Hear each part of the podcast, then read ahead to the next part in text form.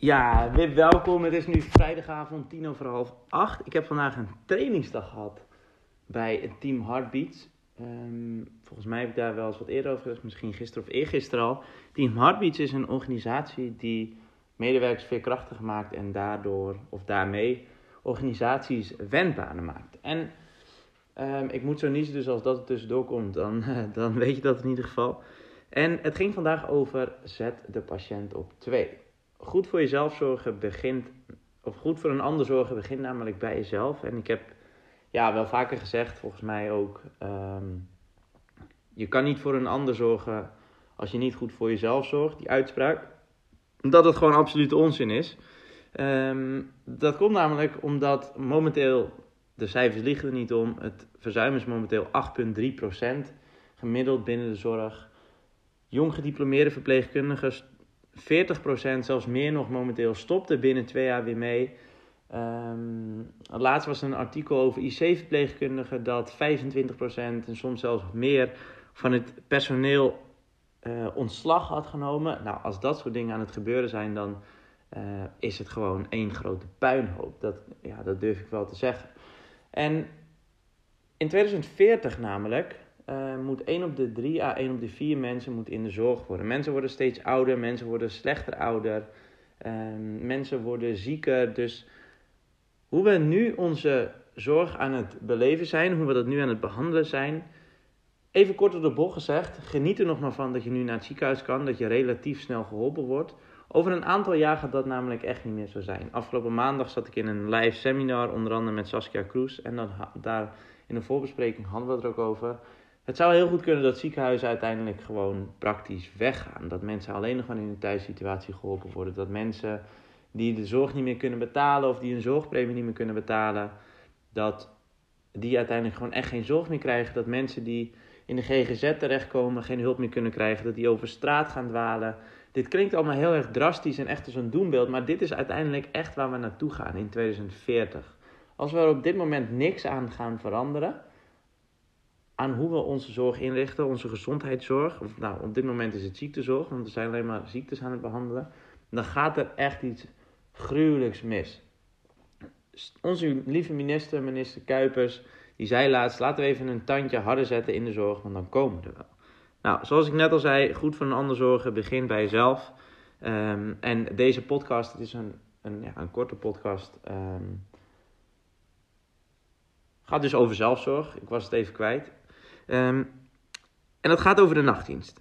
Waarschijnlijk, of nou, heb je wel eens eerder wat over slaap gelezen. Misschien heb je wel eens mijn, mijn eerdere templates gekocht. Misschien heb je de, de podcast, de verpleegkunde podcast over slaap gehoord.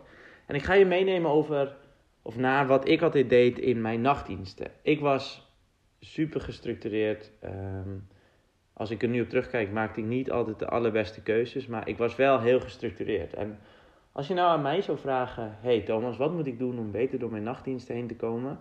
Dan is dit wat ik tegen je ga zeggen. Het maakt echt niet uit hoeveel nachten je hebt. Um, maar dit is gewoon echt mijn, ja, echt mijn advies. Voordat je de nachtdienst heen gaat, ga sporten. Mensen vragen heel vaak aan mij: Oké, moet ik wel voorslapen? Moet, moet ik niet voorslapen? Dat mag je helemaal zelf weten. Er zijn mensen die zeggen: Oké, dat zou je wel kunnen doen, dat zou je niet kunnen doen. Um, ik zou zeggen, doe sowieso een powernap in de middag op de dag dat je de nacht niet gaat. Misschien zelfs in de avond nog. En doe het ook tijdens je nachtdienst. Gewoon 20 minuten. Zorg ervoor dat je niet in die diepe slaap terechtkomt. Want als je namelijk in die diepe slaap terechtkomt, dan ga je een nieuwe cyclus in. En dan ga je gewoon een spelletje spelen met je hormonen.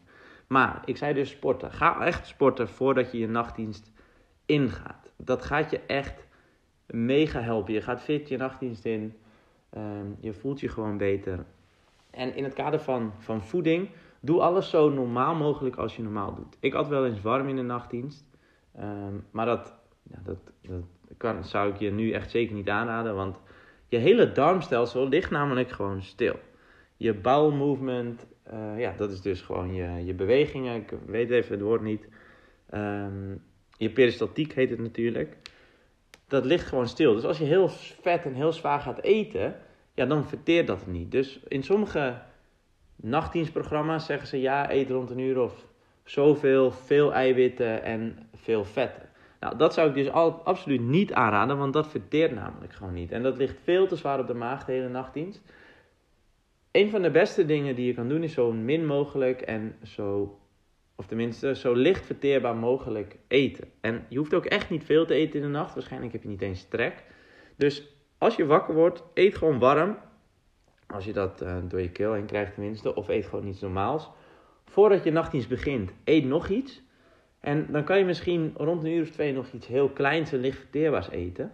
En dan aan het einde van je nachtdienst, vlak voordat je naar bed gaat, zou je nog iets kunnen eten wat je tryptofane stimuleert. En je melatonine stimuleert. Dat zou iets van een klein beetje havermout kunnen zijn, amandelen.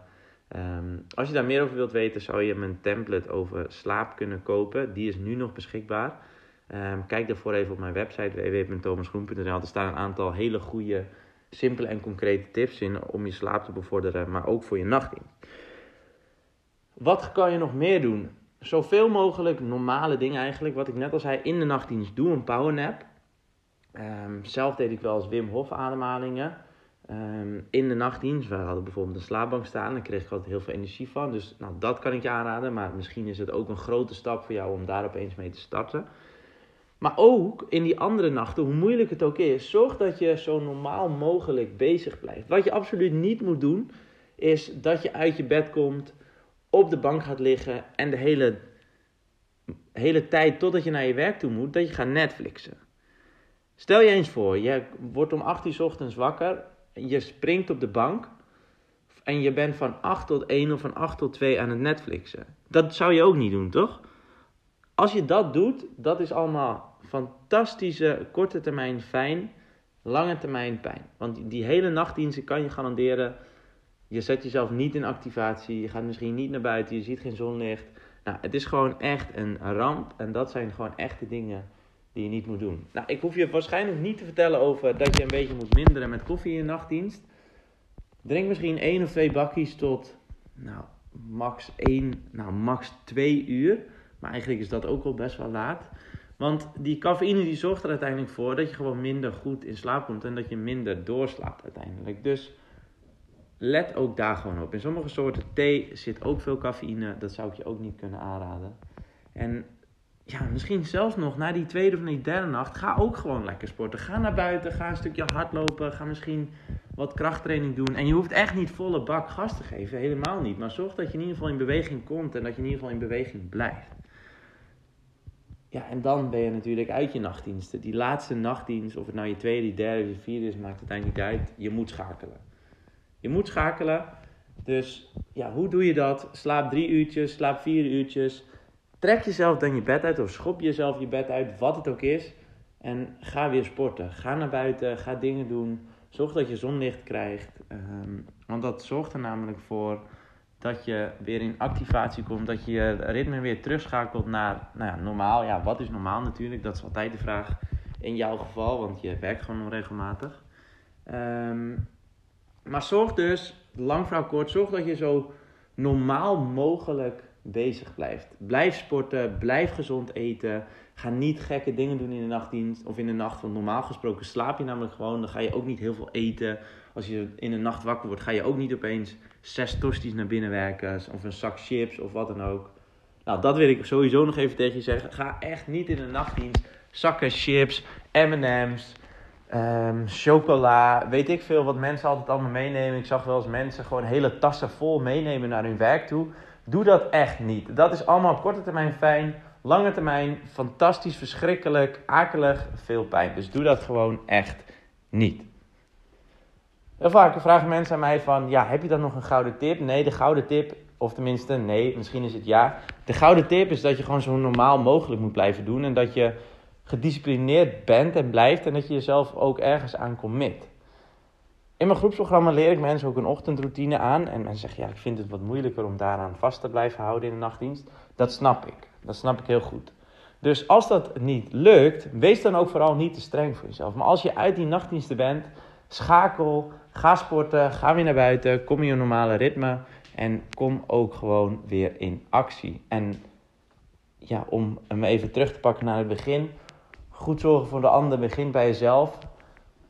Goed zorgen voor, je, voor jezelf in de nachtdienst is moeilijk, maar is oh zo belangrijk. En als je goed voor jezelf zorgt in die nachtdienst, als je gezonde voeding tot je neemt, als je nou ja, goed slaapt, et cetera, daar zou ik nog een hele aparte podcast over kunnen nemen, maar, uh, opnemen. Maar luister dan vooral de verpleegkunde podcast, degene met, um, met Norbert van Culture of Sleep, voor meer tips daarover, ook over slaaphygiëne.